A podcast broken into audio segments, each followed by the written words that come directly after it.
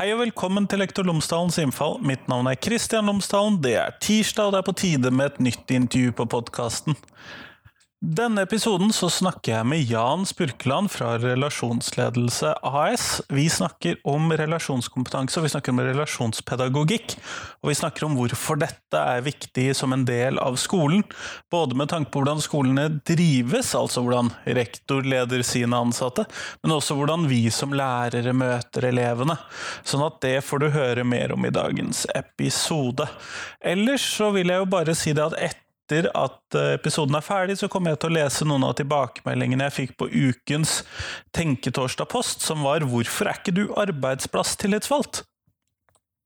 Og som arbeidsplasstillitsvalgt så er det egentlig ganske interessant, for jeg tror ikke at jeg opplever, i hvert fall sånn ut fra hva jeg har hørt, at det er et stort rush om å bli arbeidsplasstillitsvalgt, akkurat som at det ikke er noe stort rush om å bli FAU-medlem eller representant i skolen for foreldrene.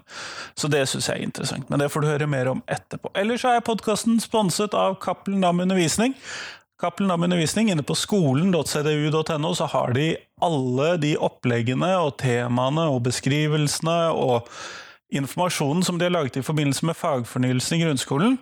Det finner du der. Alle temaer, alle fag, alle årstrinn, alle de tverrfaglige temaene, alt sammen, på skolen.cdu.no. Men her kommer intervjuet med Jan Spurkland. Vær så god.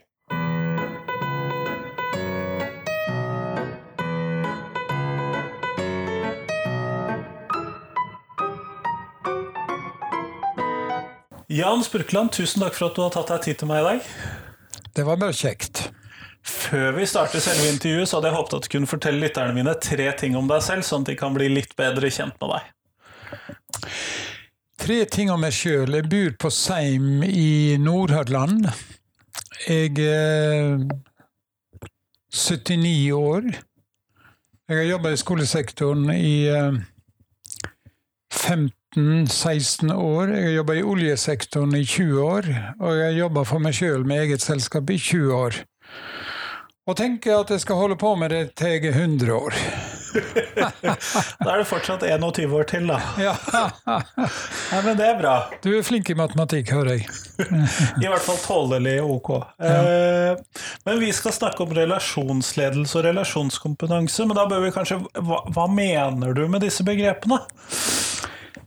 Ja, Relasjonsledelse var egentlig en konstruksjon som jeg begynte på når jeg jobba i Statoil med lederutvikling, og jobba med veldig mange utenlandske teorier som jeg følte var lite tilpassa Norge.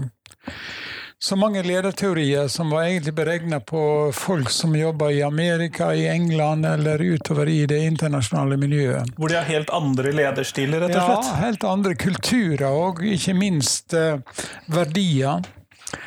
Og så tenkte jeg jeg får sette meg ned og skrive norsk lederteori. Bygge, bygge på tillit, bygge på likeverdighet og bygge på dialog. Disse tre grunnbegrepene. Så da satte jeg meg ned og skrev den første utgaven av Relasjonsledelse i 98. Og den boka er nå 22 år gammel og er fremdeles aktuell. Altså, det ser ut til at denne teorien, som bygger på norsk kultur og tradisjon, ser ut til å overleve i Norge, og jeg har begynt å introdusere den i Danmark. Og jeg håper å komme inn i Sverige òg, for den er beregna egentlig på et veldig avansert utvikla demokrati med stor grad av frihet til folk. Det er bakgrunnen for den relasjonsledelse. Den er kommet i femte utgave. Det begynner å bli fast fisk. Nettopp. Og dette her er jo noe som ofte har vært en del av podkasten hvor, hvor en del andre har snakket om at eh, man tar teorier hentet fra amerikansk ledelseskultur inn for å prøve å styre norsk skole. Og dette er da noe helt annet enn ja. det. Ja, dette er likeverdighet mellom folk. Det er ganske alminnelighet. Relasjonsledelse er å komme seg ned på gulvet og være likeverdig med folk og snakke med folk i likeverdighet. Det er uh, mennesker som kommuniserer på en annen måte, ikke ovenifra og ned, men i tilsides. Du stiller deg midt, midt iblant folk i stedet for å stå over folk. Så det er, et, uh, det er en konsekvens av vår kultur og vårt demokrati. Det høres jo ut som eh, hva skal vi kalle det, noe som vil være krevende for rektorer og avdelingsledere og også lærere å stå i en sånn, hva skal vi kalle det Stå i en tradisjon som bruker såkalt relasjonsledelse, da. Eh, Altså ut til neste nivå under dem. Ja, jeg tenker, men det er en viktig sånn eh, Det er en viktig reise ifra posisjon, eh, der du stiller deg over folk, og til relasjon, der du står ved siden av folk og kommuniserer på en helt annen måte. Og der du er veldig opptatt av den du kommuniserer med, altså veldig fokusert på det mennesket du snakker med, slik at du kommer på innsida og oppnår fortrolighet og åpenhet og alt det du trenger for å lede folk. Hører jeg her da en tanke om at man ikke skal kommandere folk til å så Eller i hvert fall i mindre grad kommandere folk til å så gjøre de forskjellige tingene, men at du får de med deg til å følge deg, da? Ja, Det er selvsagt et viktig eh, målsetting å få folk med deg gjennom å være alminnelig og likeverdig. Og det er jo et spørsmål om å etablere en former for samtale med folk som gjør det at de føler seg eh, viktige og verdifulle. Eh, og det er faktisk å kommunisere til mennesker slik som de er, akseptere de slik som de er.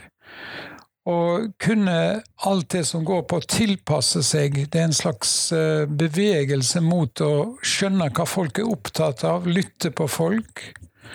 Så når du kommer inn i reflektoriet mitt her, så tenker jeg først jeg må gjøre er å høre på det, hvordan du snakker. Vi- du og jeg kan få til å snakke sammen bra. Og så langt har det gått fint. Det er godt å høre. Men når man da skal være rektor, da, f.eks. i denne Vi kan starte med rektor. Og Hva tenker du er viktig for å være en god rektor i en eh, norsk skolesammenheng? da? Og jeg tenker så mange ting, men det første er at du må være i kontakt med de du skal lede. Og det gjelder jo selvsagt lærerpersonalet. Og det er å finne fram til en direkte kontakt med hver enkelt av dem gjennom eh, eneromsamtaler. Bli kjent med dem på en ordentlig måte. Og apropos det å bli kjent med dem, det er å det er å komme bak fasaden og skjønne mer av mennesket, hvordan de er, hva historie de har bak seg, og hva familie de har rundt seg, og alt det der. Og så komme litt på innsida av folk, slik at du har en forutsetning for å lede folk. Så er det selvsagt for en rektor å være synlig, være ute i miljøet, snakke med elevene, være til stede. Bruke en god del av tida si til å være ute av kontoret og være sammen med folk. For relasjonsledelse betyr å være sammen med folk. Det er ikke å isolere seg, men det er tvert imot å oppsøke de menneskene du skal være leder for, og være sammen med dem. Uten å ta styring på alt mulig, men være sammen med dem. Du må lede møter, du må lede samtaler av og til, men i hovedsak handler det om å være sammen med folk. Og det er ikke nødvendigvis det sosiale, men det er det relasjonelle som er noe annet enn det sosiale. Det relasjonelle er å være sammen med folk på en sånn eh, sammenbindende måte, en sånn måte at folk kjenner seg i familie med deg, på en måte. At du ikke er ekskluderer deg sjøl, men inkluderer deg i et fellesskap. Som rektor det tror jeg er viktig å være ute i klassene. Observere, være sammen med folk. Hjelpe til. Og når du har sett alt det du trenger å se, så kan du gi noen råd, kanskje. Eller du kan være en samtalepart som er fornuftig. En ting som jeg har lagt merke til når det kommer Når jeg eh, ser forskjellige skoler og ser ulike skolesammenhenger og sånn, er det jo det at rektor i liten grad underviser. Ja, At rektor stort sett er fritatt fra den typen aktiviteter. ja da. Å ha lesetid, det er jo mer og mer gått ut for rektor. Og det er klart at når skolen blir stor, så har ikke rektor mulighet til å undervise, men jeg tror det er veldig klokt å være til stede i undervisning og hjelpe til i undervisning. Kanskje ta en liten bolk av og til, bare for å ha kontakt med elevene og føle på det. For da tror jeg en rektor kommer nærmere det som det egentlig handler om. Det handler om læring for elever, og elevene er det sentrale i en skole. Det er viktig å huske på at elevene er der, og skolen er til for elevene. Og ikke elevene for skolen. Ja, nemlig. Men så skal vi jo da eh, fordi at dette, så vidt jeg skjønner, så kan man også da bruke denne tankegangen når det kommer til møte med elevene som lærer, stemmer det? Ja. En eh, lærer er jo også en relasjonsleder fordi at du skal lede ei gruppe. Og dette med å bygge relasjoner til denne gruppa, denne klassen eller disse menneskene i ulike aldre, det er et spørsmål om å bygge relasjoner til hver enkelt. Og relasjoner er alltid sånn at du må bygge det one by one, eh, individ for individ. Du og jeg må finne ut av vår relasjon, og neste par må finne ut av sin relasjon. Slik at det blir alltid et spørsmål om å etablere tilstrekkelig mange relasjoner til tilstrekkelig mange elever for å oppnå det jeg kaller for naturlig autoritet. Naturlig autoritet er en konsekvens av mange positive relasjoner. Så har du ei gruppe med folk du skal jobbe med over tid, så må du ha så mange sterke relasjoner at du får autoritet hos de du skal jobbe med. De gir deg autoritet, men de fleste lærere, tenker jeg, og ledere tar autoritet, og da står du på andre sida og forventer eller forlanger autoritet. Men skal du få naturlig autoritet, så må du få det fra de du skal, skal hjelpe, de du skal lede. Og det er et spørsmål om relasjonskvalitet. Om du har tilstrekkelig relasjonskvalitet, så kan du bare reise deg opp og si at i dag skal vi Jeg har tenkt at vi skal jobbe med dette i dag. Og du har ingen protester, kanskje, og du har ingen motstandere. Men du har selvsagt folk som er i stand til å si ifra hvis du gjør noe som ikke er bra gjennomtenkt. Men det er ikke det, er ikke det at du målbinder folk, men du har en, en, slags naturlig autoritet ved hjelp av relasjonskvalitet. Og det er et viktig sånn psykologisk prinsipp. Så Jeg hører jo her en forskjell mellom det å skulle kreve autoritet fordi at du har en rolle, og det at du får den frivillig fordi at de aksepterer deg som en eh, ja. leder. da. Ja. Nei, du, det er den bevegelsen fra posisjon som en lærer kan være i, og til å gå til en relasjon til elevene. Og Det er en lang bevegelse, og det er, en, eh, det er en, faktisk en fundamental ting i denne, det som vi kaller for relasjonspedagogikk. Det består i at du jobber med å etablere relasjoner, slik at du kan få folk med deg på det du vil de skal være med på.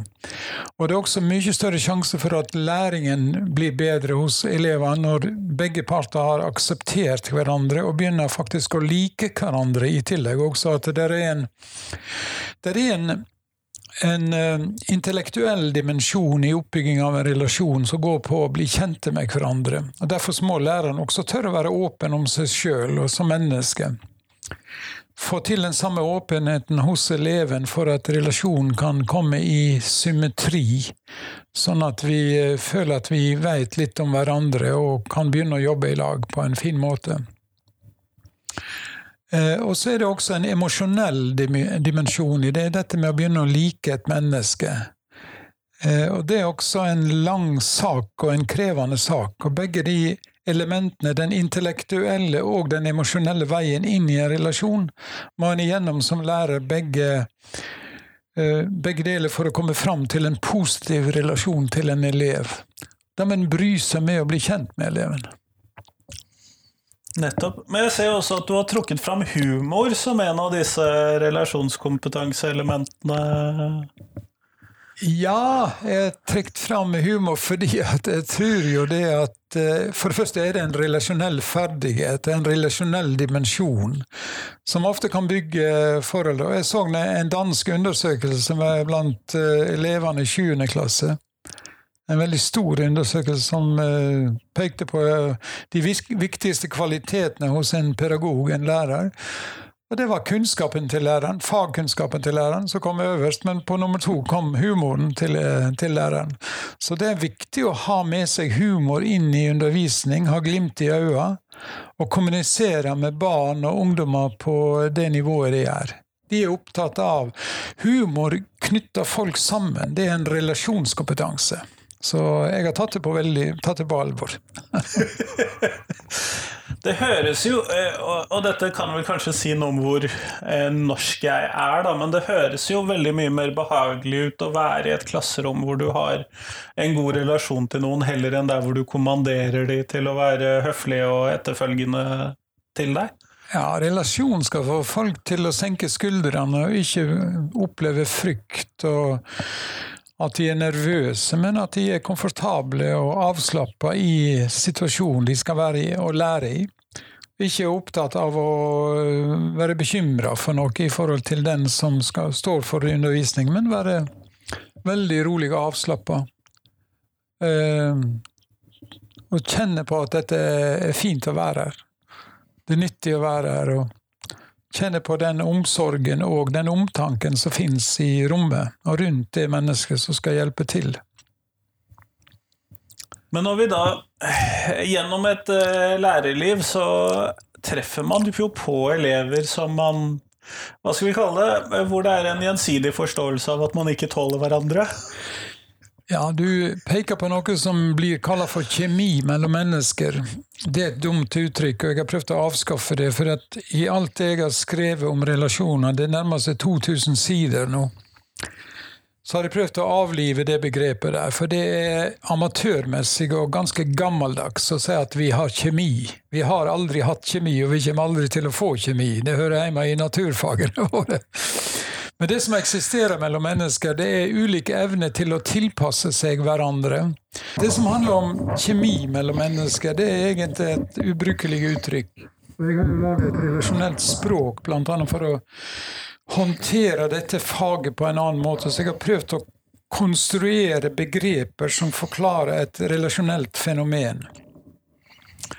Og det som uh, dette handler om mellom to mennesker som møter hverandre, det er en slags kalibrering. Og det er òg en slags innstilling med å finne ut hva er det ved deg jeg kan like, i stedet for å vurdere deg i alle fasetter og tenke at det er noe som taler imot, og det er noe som taler for at jeg skal like deg. Men kunsten å eh, fokusere på det jeg kaller for det sympatiske mennesket i et menneske, er kunsten å begynne å like folk. Og hvis du skal ha ei gruppe elever, så er det jobben din å like alle sammen. Og Derfor så må du faktisk skjerpe hjernen din. og så Han får ikke lov å jobbe helt fritt, denne hjernen. Han skal jobbe med å finne ditt sympatiske menneske. Og Hvis du viser usympatiske atferd eller tegn til ting, så skal jeg overse det til jeg har funnet ditt sympatiske menneske. Og Da er det stor sjanse for at du også viser meg ditt sympatiske menneske når vi har jobba sammen en stund. Og det er sånn du kan endre andre mennesker, det er ved å fokusere på det de er gode på, det, de er, det som er fint ved dem. Og du kan faktisk justere deres atferd ved hjelp av din observasjon. Det er ganske interessant. For det er jo ikke mulig å endre andre folk annet enn at du kan påvirke dem sånn at de er villige til å endre seg. Men da må du også finne den delen av de som er eh, det beste ved de, de sterke sidene. Signaturstyrkene, som det heter på innenfor psykologien. Altså Folk har sine signaturstyrker. Og Bare du er god på det, og ved skolen har du vært veldig god på å finne en elev sine signaturstyrker og dokumentere det, så vil eleven med en gang tenke ja, du ser jo kvaliteten i meg. Du ser jo det viktigste ved meg, som jeg vil at andre skal se, egentlig. Så dette er spennende ting. Og, men kjemi er ikke brukbart, for det er, det er å stille seg utenfor seg. Det som skjer, det skjer. Nei, du styrer det som skjer. Og en lærer skal styre denne utviklingen mot en positiv relasjon. Det er oppgaven til læreren. Det er jo lett å falle for egne fordommer og tidligere hva skal vi kalle gruppetenkning og ja, og eh, oppfatninga av at du skal evaluere folk og vurdere folk og finne styrker og svakheter og alt det der. Jeg sier at innledningsvis i en relasjon må du jakte på styrker og positive sider ved et menneske hvis du trenger en god relasjon. Det gjelder kollegaforhold, det gjelder medarbeider-lederforhold, og det gjelder lærer-elevforhold. Jakte på den delen av et menneske som du kan like. Og det mennesket som opplever at du liker deg, vil jo automatisk også justere seg i retning av deg òg, slik at det blir enklere å samarbeide. Men det er, det er, en veldig mental, tøff ting å tenke på at jeg, min plikt er å begynne å like disse elevene. Jens Bjørneboe var den første som sa det når han prøvde seg som lærer. Jobben til en lærer er å like alle elevene like godt. De flinke og de mindre flinke, de pene og de mindre pene, osv. Uh, slik at du kommer fram til, uh, til en oppfatning, et mentalt bilde av et annet menneske som er positivt. Det er jobben din. Og så kan du begynne med engelsk, norsk og matematikk og alt det der. Ja, for det kan vel være veldig lett å la den hva skal vi kalle det, antipatien mellom mennesker, at den skinner igjennom i måten ja. du agerer med dem? Det er klart. Det er lett for at det skjer. Og det er hvis du lar hjernen din jobbe fritt. Og kanskje hvis du også har en bakgrunn som gjør at du er skeptisk til fremmedfolk, eller kritisk til fremmede folk, så kan det hende at du leter etter svakheter. Og Når det gjelder pedagoger, så har de jo en tradisjon på å lete etter feil hos elever. Ja, for vi skal altså, jo prøve å finne ut, uh, ja. sette karakter på dem. Ja. det er egentlig en forferdelig oppgave å sette karakter på andre mennesker. Jeg lurer på om, av og til om vi er kvalifiserte. Selv om jeg har jobba i skolen i, i, over 15 år, så tenker jeg at var jeg kvalifisert for å sette karakterer? Uh, hadde jeg god nok bakgrunn for å gjøre det? Jo, faglig sett så var jeg kvalifisert til å sette karakterer innenfor de fagene jeg hadde utdanning i.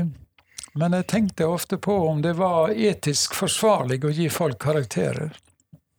Jeg har begynt nå i senere tid å tenke på om elevene skulle fått et alternativt vitnemål ved sida av karakterene.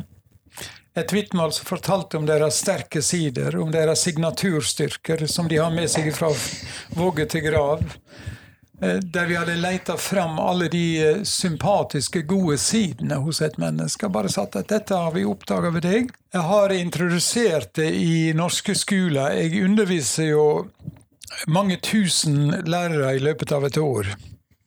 Og prøver å sette de inn i to fagfelt. Det ene er relasjonspedagogikk, og det andre er relasjonskompetanse. Og da er jo oppgaven deres òg også å finne styrken i elevene, enten det handler om fysisk styrke eller mental styrke, eller hva som helst du kan måle eller, eller observere. Sånn at elever kjenner seg verdifulle etter kort tid sammen med en lærer. Kjenner seg viktige, kjenner seg interessante. Eh, og det kunne jo føre til et vitnemål ved slutten av året der læreren sier at 'jeg har sett disse sidene ved deg som jeg setter veldig pris på'. Og så har du fått disse karakterene her, som er en faglig vurdering av din, ditt nivå på dette faget her, som jeg har undervist deg i. Men ved siden av dette faget har jeg lagt merke til ting ved deg som er veldig fine og kreative, og som du kan bygge videre på. Og Jeg har sett sånne vitnemål som nå etter hvert begynner å bli gitt ut i ungdomsskolen til elever. Når de får sine første karakterer i åttende klasse, så får de også en beskrivelse ved sida av karakterene som sier om sterke observasjoner, gode sider ved dem, som de kan ta med seg videre. Og Det kan jo føre til at folk for det første holder ut hele skoletida si, hele løpet, og også tenker på seg sjøl som verdifulle folk, sjøl om karakterene skulle være svake. Så går de på skolen hver dag, for de vet at læreren ser mine styrker, og ikke bare mine svakheter. Det er viktige ting. Og det er viktig relasjonelt, for det retter ryggen på folk. Det kan rett og slett være det som holder dem i skolen, da, gjennom eh, det som ellers er en hva skal vi kalle en litt sånn mestringslav uh... Ja, altså frafallet i videregående skole er jo en skandale. Det er en norsk katastrofe.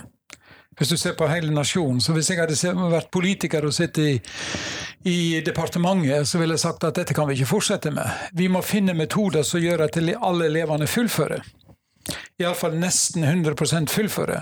Men våre politikere sier at 75% er greit. Det er ikke greit. Det er jo 99% som er greit, kanskje, og bare 1% som ikke orker fullføre. Det er så viktig for norsk ungdom og for framtida i Norge at vi får alle gjennom videregående skole med rak rygg, og ikke med knekt rygg. Karakterer kan jo knekke ryggen på folk. Og Sånn sett må, vi ha noe ved sida av som kompenserer for dårlige karakterer.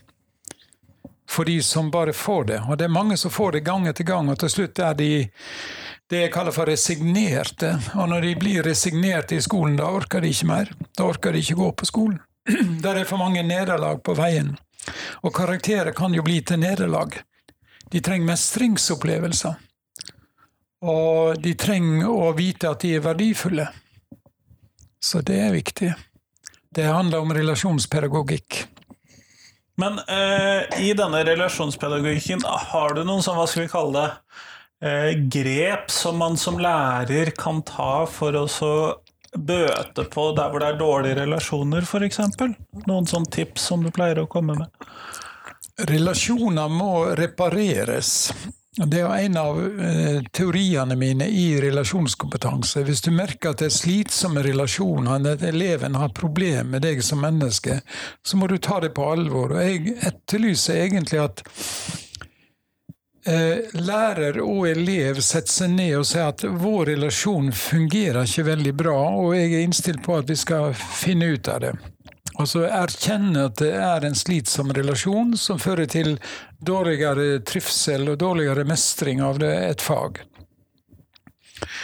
Så det er viktig at en er åpen om relasjonskvalitet, og bare si at dette er en kjerneproblematikk. Og når det gjelder barneskolen og ungdomsskolen, så vil jeg sagt at foreldre som ser dette og merker det når eleven kommer hjem, og ikke sier at uh, jeg har ikke noe godt forhold til, til læreren min, så må det være ei sak en skal jobbe med. Jeg må ikke skjule det, jeg må ikke la være å snakke om det.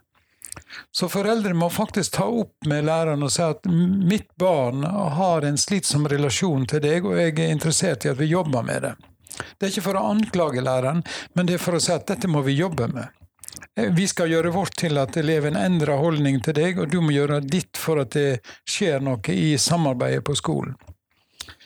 Jeg er jo så gammel at jeg har barnebarn, eh, elleve barnebarn, og jeg spør de alltid eh, hvor går det med deg og skolen?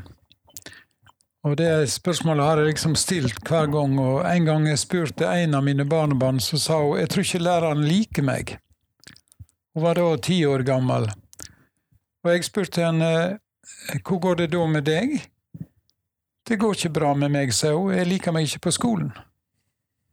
Altså, hele skolen var ødelagt på grunn av en dårlig relasjon til klasselæreren, til kontaktlæreren, til hovedlæreren. Og da er mye ødelagt. Og Derfor så må en være observant på relasjonskvaliteter til hvert barn. Og barnet og foreldrene må bli bevisste på at dette er et tema vi må snakke om. Er det ikke godt nok, så fungerer det ikke. Eleven risikerer å være veldig skadelidende under en dårlig relasjon til læreren. Det samme kan gjøre en ungdom i videregående skole også. Det kan være veldig skadelig for en elev å ikke ha en positiv relasjon til læreren. For det er helt avgjørende viktig. Jeg kaller dette for symbiotiske relasjoner. Og en symbiotisk relasjon består av veldig stor grad av avhengighet. Du er min avhengighet så lenge du er min lærer. Og du må skjønne hvor viktig dette er for meg, at vi har en god relasjon som gjør at jeg gleder meg til å møte deg og gleder meg til å lære av deg. Ja, For elever og foreldre kan jo ikke velge hvilken lærer de skal ha til Nei, sine barn. Nei, de er prisgitt den relasjonen de får, den læreren de får. Og da må læreren ta ansvar for at relasjoner blir positive, ellers blir det veldig skadelig for elevene. Eh, I verste fall så flytter jo foreldre en elev fra en skole der det ikke fungerer med relasjonen til læreren. Men eh, det er en av de grunnene til at eh, elever må av og til bytte skoler, det at relasjonene ikke fungerer godt nok. Men jeg skulle likt, og jeg sier det jo til alle disse her hundrevis og tusenvis av lærere jeg møter, at det må sikre dere at det har Enten på en skala fra én eh, til ni har jeg eh, beskrevet ulike relasjonskvaliteter. Så må det være over fem på en skala der. Og det er ni best, da? Ja, ja der, der ni er best. Eh, fem, trinn fem betyr en relasjon som er prega av Eh, gjensidig respekt, en respektrelasjon. Den fungerer greit nok, men hvis du løfter den enda litt til, så kommer den opp til vennlighet. Og det betyr at du har en vennlig innstilling til den andre, begge veier. Og da begynner det faktisk å bli brukbart for en elev å være på skolen, og fint å gå på skolen, og du har ingen bekymringer for å gå på skolen. Jeg tror vi kunne redusere fraværet ganske mye ved hjelp av å tenke relasjonskvaliteter. Men hvordan eh, kan jeg som lærer gå frem for å skape den dialogen da, som er nødvendig for å komme opp dit? Altså, Dialog i seg sjøl er jo et, et, tema som jeg har jobba veldig mye med og skrevet nokså mye om. Og dialog er en egen kunst. Hvordan snakker du med et menneske sånn at det blir, det blir eh, komfortabelt for begge to?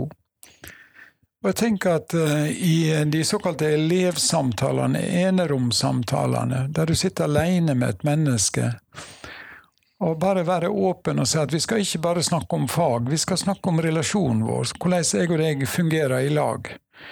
Uh, og prøve å få til en åpen dialog. Og du skal merke at jeg har sett ting ved deg som jeg syns er veldig fine ved deg. Ehm, når jeg skrev denne boka, så intervjua jeg uh, ca. ti lærere på ulike nivå i skolen, helt fra barneskolen og helt opp til videregående skole. Og jeg spurte de, og jeg plukka ut pedagoger som var eh, så var suksesser i klasserommet i møte med elevene ikke nødvendigvis de faglig dyktigste, men de som lykkes i forhold til elevene. Eh, og det var for så vidt også de som ofte hadde de beste resultatene også, fordi at relasjonen fører ofte til god læring og god trivsel. Og Jeg husker en av de som satt inne i dette rommet her i reflektoriet mitt. Hun var veldig beskjeden. Hun var nettopp ferdig i som pedagog i, eh, i grunnskolen, hadde vært der hele sitt liv. Nettopp blitt pensjonist. Og jeg spurte hvorfor var du en suksess i klasserommet. Og hun svarte først at hun var ikke sikker på det. Hvorfor hun hadde blitt en suksess. Men hun visste at eh, hun var godt likt av elevene. Og det skjedde hver gang. Hver gang hun fikk ny klasse, så klarte hun det. Men så sier hun da må du fortelle meg hva du gjorde konkret. Og da sa hun at hun brukte 14 dager til å bli kjent med elevene. Det første hun møtte disse her tiåringene som fikk nye inn i klassen, og bli kjent med dem. Studere dem, ga turer i skog og mark og bare studere dem. Og etter 14 dager hadde hun funnet fem flotte ting ved hver elev. Det hadde hun notert ned på en lapp. Fem fine ting ved deg som jeg har sett i løpet av disse 14 dagene, alle elevene fikk en lapp overlevert med alt det hun hadde observert av styrker og gode sider ved disse elevene. Og det er egentlig genialt. Jeg sa til henne det er sannsynligvis en viktig del av din suksess. Du har lagt merke til ting ved hver elev som du kunne like. Og eleven fikk vite det på lappen og fikk han overlevert. Så tok hun en kopi av den samme lappen og sendte hjem til foreldrene. Så kom det første foreldremøtet. Der er Foreldrene kommer med stjerner i øynene og tenker denne læreren har sett det som jeg ønsker mitt barn skal vise. Denne læreren har oppdaga det som vi er så glad i. Dette barnet vårt. Og så kommer de med stjerner i øynene til første samtale, og så er den relasjonen på et godt spor. Ikke nødvendigvis sånn at ikke en kan snakke om problemer senere, men da er relasjonen på et godt spor, og da tåler vi også å snakke om vanskelige ting, hvis det skulle oppstå. Men det å sette relasjonene på rett spor fra første øyeblikk, det er kunsten å være relasjonspedagog. Ja, for det er lettere å bygge det opp fra starten av enn ja. å måtte fikse det etterpå? Ja, det er vanskelig. Å reparere relasjoner er veldig vanskelig. For det ligger sår i veien. Det ligger sår i historien. Det ligger skuffelser i historien som er vanskelig å komme over. Derfor er det viktig å holde relasjonen på et rett spor.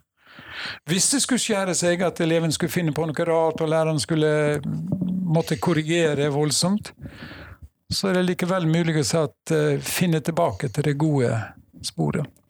Så er det jo også sånn at relasjoner må bygges opp til å bli tåle trykk og temperatur, bli robuste at relasjoner blir så robuste at vi tåler noen nederlag, vi tåler noen tilbakeslag, og vi ser at nå skuffer vi hverandre, nå, nå ble det litt vanskelig mellom oss. Men eh, jeg tror det holder likevel. Altså at vi kan komme oss videre. Eh, men være villig til å jobbe med relasjonskvalitet og relasjonstålegrense hele tida, sånn at du, du har den åpne kanalen der du kan lære gjennom den gode relasjonen, uten å bli stressa, uten å bli nervøs. Eh, på grunn av og ikke på tross av, altså? Ja. ja, ja. Eh, jeg møtte en matematikklærer for en stund siden på Østlandet som gjorde et interessant eksperiment. Hun hadde hatt matematikk i ungdomsskolen i mange år, 15 år. Og så fikk hun en forelesning om disse temaene som vi snakka om. Så spurte hun rektor sin om hun kunne få lov å undervise på en ny måte i matematikk. Og rektor sa med din erfaring og din bakgrunn så kan du gjøre akkurat det du vil i matematikk. Full frihet. Og denne dama her hun gikk inn i matematikk. Hun hadde tre matematikkgrupper i ungdomsskolen. Hun gikk inn i ungdomsskolen og sa at først vil jeg ha en god relasjon til alle dere som er i gruppa her. Og Da må jeg bli kjent med dere, og vi må ha en liten økt på det relasjonelle utviklingen mellom oss. Jeg vil ha eneromssamtaler litt, en liten prat med hver av dere. Så vil jeg at alle sammen skal være motiverte Eh, og da må jo jeg jobbe med at det blir kjekt å jobbe med matematikk. Og så vil jeg ha at det skal oppleve mestring. Altså relasjon, motivasjon og mestring som utgangspunkt for matematikk. Så jobber vi med dette, utgangspunktet pedagogisk et helt år. Og så løfter hun hele gruppa ifra et gjennomsnitt på ca. tre i eh, karakter til et gjennomsnitt på fire.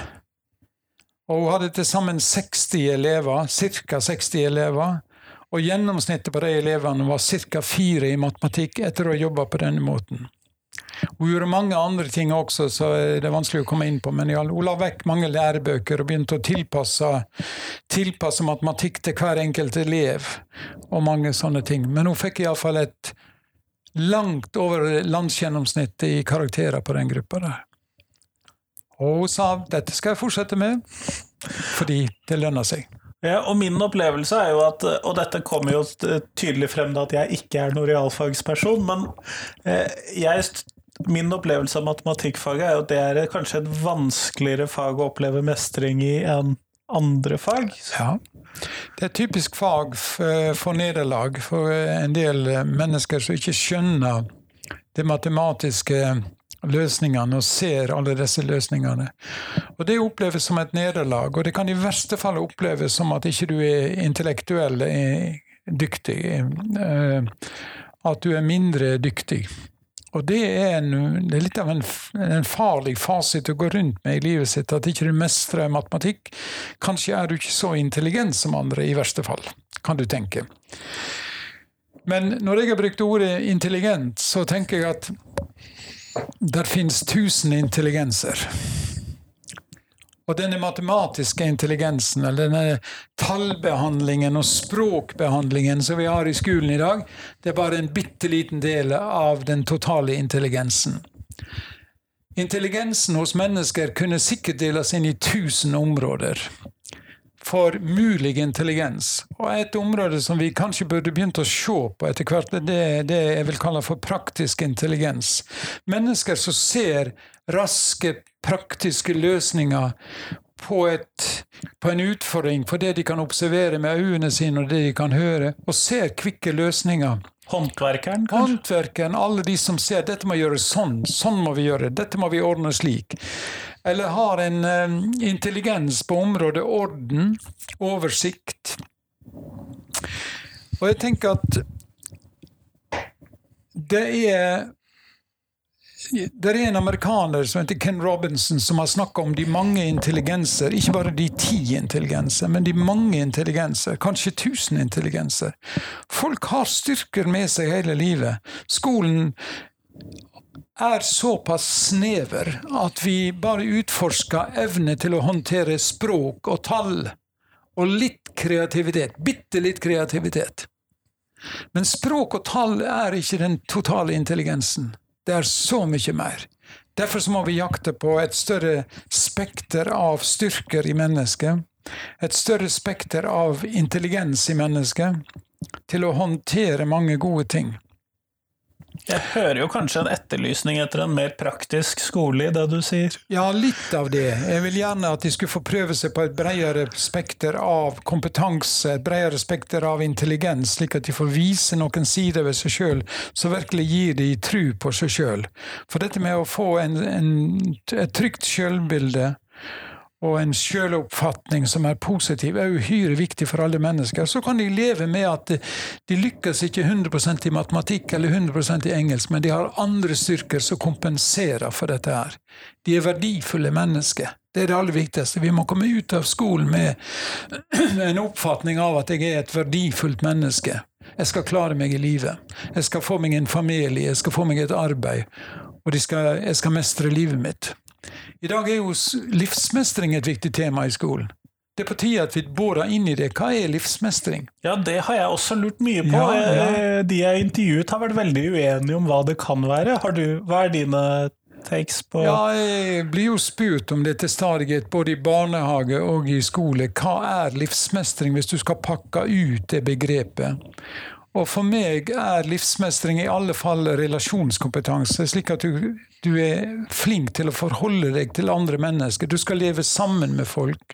Du skal jobbe sammen med folk. Du skal være sammen med folk, og du må mestre relasjonene til andre mennesker. Det er en viktig forutsetning for å ha et bra liv.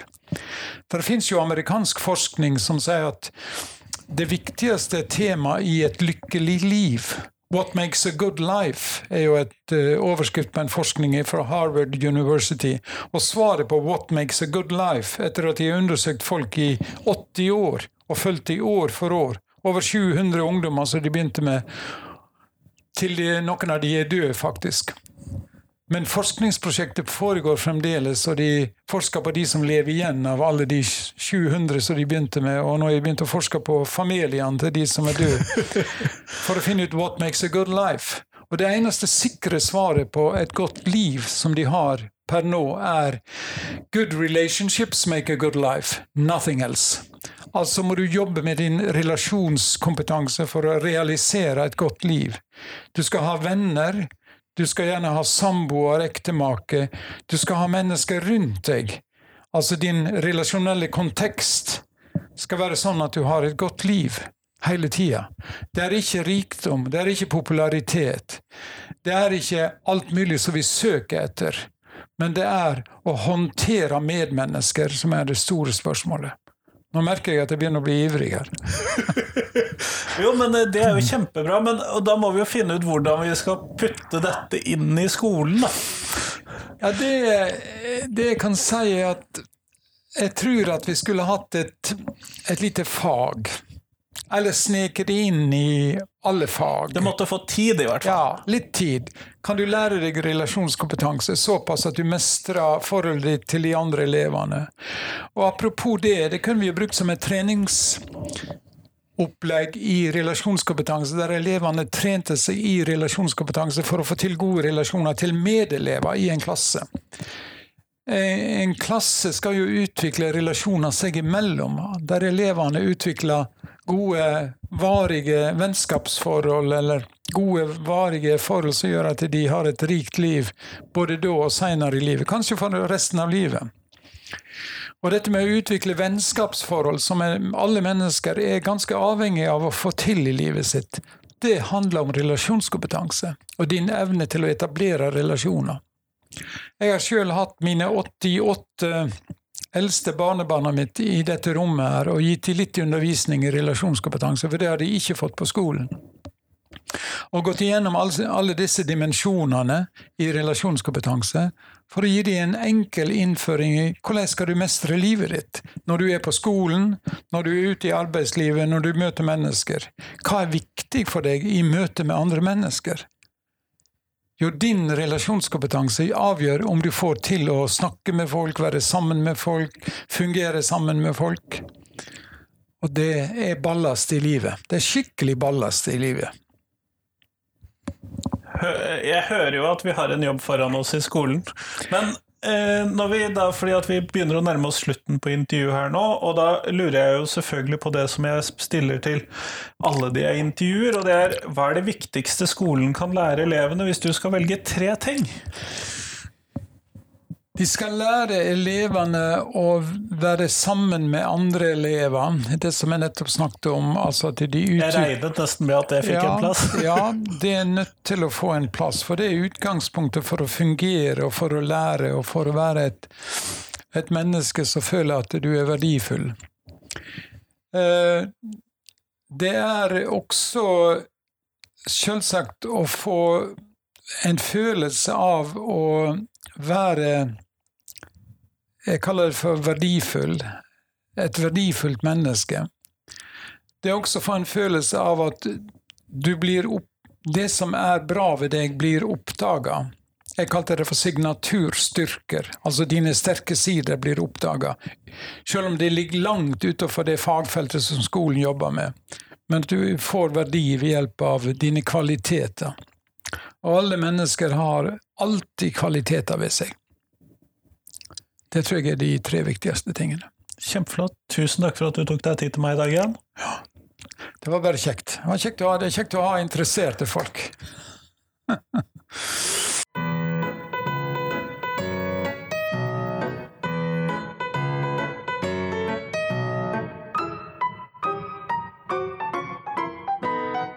Tusen takk til Jan, og tusen takk til deg som hørte på. Nå tenkte jeg at jeg skulle lese opp noen av de tilbakemeldingene eh, som har kommet inn på Tenketorsdag-posten min på hvorfor er ikke du arbeidsplasstillitsvalgt? Og det var stille veldig lenge. Det kan selvfølgelig ha noe med å gjøre at den kom på nyttårsaften. Eh, men og det var egentlig ikke så mange som ville si hvorfor de ikke var arbeidsplasstillitsvalgt, men det ser ut som det var noen som ble litt fornærmet over at eh, jeg stilte dette spørsmålet. Eh, og det er jo interessant. Men gå gjerne inn på en av disse stedene hvor jeg legger ut Tenktorsdag-posten. Og så svar på hvorfor ikke du er arbeidsplasstillitsvalgt. Det vil jeg synes er veldig interessant. Men eh, fram til neste gang, og det er på fredag, da skal vi tilbake til ekstremismetemaet så hadde jeg håpet at du kunne dele podkasten min med noen som du tror vil like den. Det blir jeg utrolig glad for. Men da høres vi på fredag. Hei, hei!